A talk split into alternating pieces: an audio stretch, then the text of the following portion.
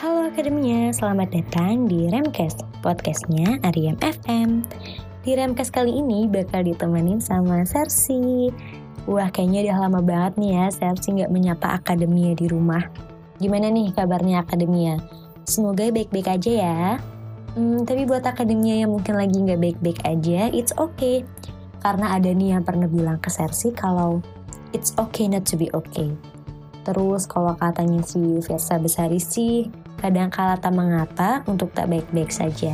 Kita hanyalah manusia, wajar bila tak sempurna. Jadi buat akademia yang mungkin lagi galau, lagi sedih, lagi gelisah, lagi putus semangat, putus asa, atau mungkin gak tahu mau ngapain atau lagi gak mood banget untuk ngelakuin sesuatu. It's okay, karena sejatinya tuh hidup bukan hanya tentang bahagia aja, hidup bukan hanya tentang senang-senang aja, tapi juga ada sedihnya loh. Di sini saya cuma bisa pesen nih buat akademi yang lagi sedih, yang lagi galau. Boleh sedih, boleh galau, boleh nangis, tapi jangan sampai berlarut-larut dalam kesedihan ya. Cepat bangkit dan lakuin sesuatu yang bermanfaat untuk diri kalian sendiri. Hmm, ngomong-ngomong tentang tidak baik-baik saja nih, akademia pernah gak sih ngelakuin hal-hal aneh atau ngelakuin hal-hal yang membahayakan diri sendiri um, di saat kondisinya diri sendiri tuh lagi nggak baik-baik aja. Contoh nih ya, Sersi. Sersi itu waktu itu pernah berada di keadaan lagi banyak banget masalah, kayak masalah keluarga, masalah pertemanan, dan masalah percintaan. Di situ kayak Sersi bingung banget mau ngapain dan tau gak sih yang saya lakuin itu berbahaya banget kayak gak makan seharian dan ngunci diri di kamar dan akademi tahu gak sih kalau itu tuh termasuk self harm ya di sini saya bakal cerita bakal sharing tentang self harm itu sendiri. Hmm, sebenarnya nih ya self harm itu tuh masih dianggap tabu banget untuk dibicarain.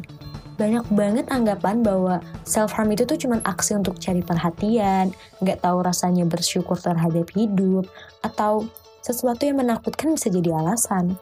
Padahal bisa aja loh di antara kita atau bahkan diri kita sendiri itu pernah ngelakuin, lalu bingung kayak terbebas dari self harm itu caranya gimana sih? Kalau simpelnya sih self harm itu adalah kondisi di mana seseorang tuh nyakitin diri sendiri sebagai cara untuk mengatasi, mengungkapkan atau bertahan dari keadaan yang sangat sulit. Contohnya gimana sih? Kayak menyayat, mencakar, memukul, menggigit atau bisa ngebenturin kepala ke dinding. Dan banyak banget hal-hal yang berbahaya yang dilakuin ke diri sendiri. Dan menyakiti diri sendiri itu juga dapat dilakukan secara halus kayak hmm, nggak hmm, memperhatikan kondisi fisik, nggak peduli kebutuhan emosional, atau menempatkan diri itu pada situasi yang berbahaya. Mungkin kebanyakan orang tuh ngelakuin self harm itu bukan untuk percobaan bunuh diri. Meskipun kita tahu ya, percobaan bunuh diri itu juga membutuhkan aksi untuk menyakiti diri sendiri. Tapi di sini self harm itu tuh merupakan kategori yang menyakiti tubuh secara disengaja tanpa berniat untuk bunuh diri. Dan tujuannya tuh ya tidak diterima oleh akal pikiran orang normal lainnya gitu loh. Kayak yang tadi Sersi lakuin tuh kalau misalnya dipikirin sama orang-orang normal itu tuh bahaya kan. Nah, hal ini tuh diakibatkan oleh rasa yang tercipta pada diri kita sendiri loh. Dapat dikarenakan karena bagaimana sih diri kita tuh diterima di suatu lingkungan, bagaimana ia menilai dirinya sendiri dalam pergaulan, dan bisa juga bagaimana mereka melihat dirinya sendiri dan dibandingkan lagi dengan orang lain. Terus, akademia pernah nggak sih mikir kalau self harm itu tuh bahaya banget. Tapi kenapa sih banyak orang-orang yang masih ngelakuin hal itu? Padahal kan dia nyakitin diri sendiri gitu loh. Apa untungnya gitu loh? Nah, banyak banget faktor-faktor yang mendorong atau yang melatar belakangi si perilaku self harm itu. Contoh nih ya, kayak perilaku self harm itu tuh rentan terjadi pada orang-orang yang sedang mengalami kesulitan hidup atau masalah sosial. Misalnya jadi korban bullying di sekolah atau tertekan dengan tuntutan dari orang tua, kehilangan orang yang dicintai dan menjadi korban kekerasan emosional, fisik ataupun seksual. Nah, dari hal-hal tadi itu tuh bisa membuat seseorang tuh merasa hampa dan mati rasa. Dan mungkin juga rendah diri ya.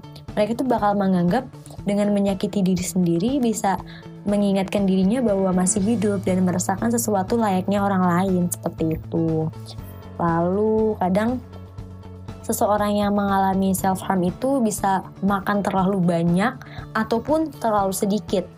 Kayak Sersi pernah tuh makan terlalu sedikit banget atau bahkan gak makan karena mungkin putus cinta. Demi pernah gak sih? Nah, kalau seseorang beneran cinta nih sama dirinya sendiri dan peduli nih dengan tubuhnya, pasti dia akan makan dan um, merawat dan menutrisi tubuhnya dengan baik. Salah satu contohnya adalah dengan pola makan yang tepat. Nah kalau misalnya kita makan terlalu sedikit atau justru kayak terlalu banyak banget itu kan nggak baik tuh buat tubuh dan jadinya bakal nyakitin diri sendiri. Dan itu tuh merupakan bentuk dari self harm loh terus ada merasa putus asa. Mungkin um, pernah ya kita tuh ngerasain kondisi di mana kita tuh putus asa banget dan nggak tahu harus ngapain karena mendapatkan masalah yang kita benar-benar nggak bisa ngehandle itu. Nah hal ini tuh dapat membuat seseorang tuh terjebak dan gak berdaya gitu loh sehingga dengan menyakiti diri sendiri akan ngebuat orang tersebut lebih merasa terkontrol mungkin karena kita kan hmm, gak bisa nih ngerasain apa yang orang lain rasain. Terus gimana sih cara ngatasin self harm itu sendiri? Kan bahaya banget nih buat diri sendiri.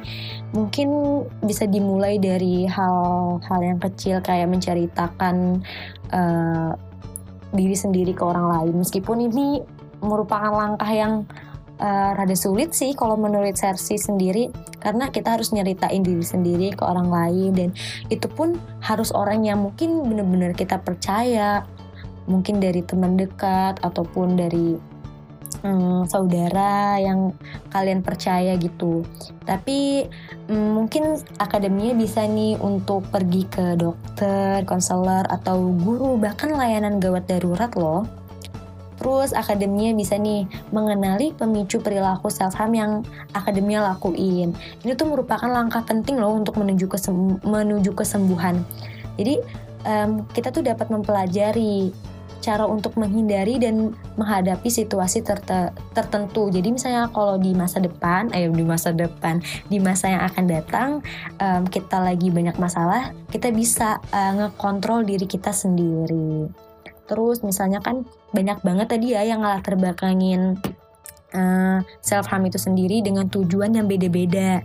Misalnya kalau tujuannya untuk mengekspresiin perasaan sakit dan emosi yang intens, akademia bisa nih ngelakuin hobi akademia dan ya cara lain seperti kayak tadi ngelakuin hobi atau hal-hal yang akademia suka kayak ngelukis, mendengarkan musik atau nulislah isi pikiran dan perasaan. Misalnya di diary nih kalau cewek-cewek dan juga misalnya kalau tujuannya untuk menenangkan diri, akademia bisa nih untuk self love atau self care kayak memijat tubuh, menjaga tubuh agar tetap hangat, mendengarkan musik yang menyenangkan dan menenangkan. Jadi um, kalau menurut Sersi sendiri nih ya mendengarkan musik itu merupakan healing yang terbaik. Um, karena dengan dengan dengarkan musik itu tuh Sersi kayak lebih tenang gitu loh. Nah itu akademia tentang self harm itu sendiri. Gimana? Bahaya banget kan ya? Jadi buat akademia yang mungkin sering banget nih ngelakuin self harm Atau sering banget uh, ngelukain diri sendiri kayaknya cukup aja deh ya sampai di sini. Um, jangan dilanjutin lagi. Mungkin bisa lebih uh, ngekontrol diri sendiri dan menjaga diri sendiri. Jangan lupa self love sekian dari Sersi. Sampai jumpa di podcast selanjutnya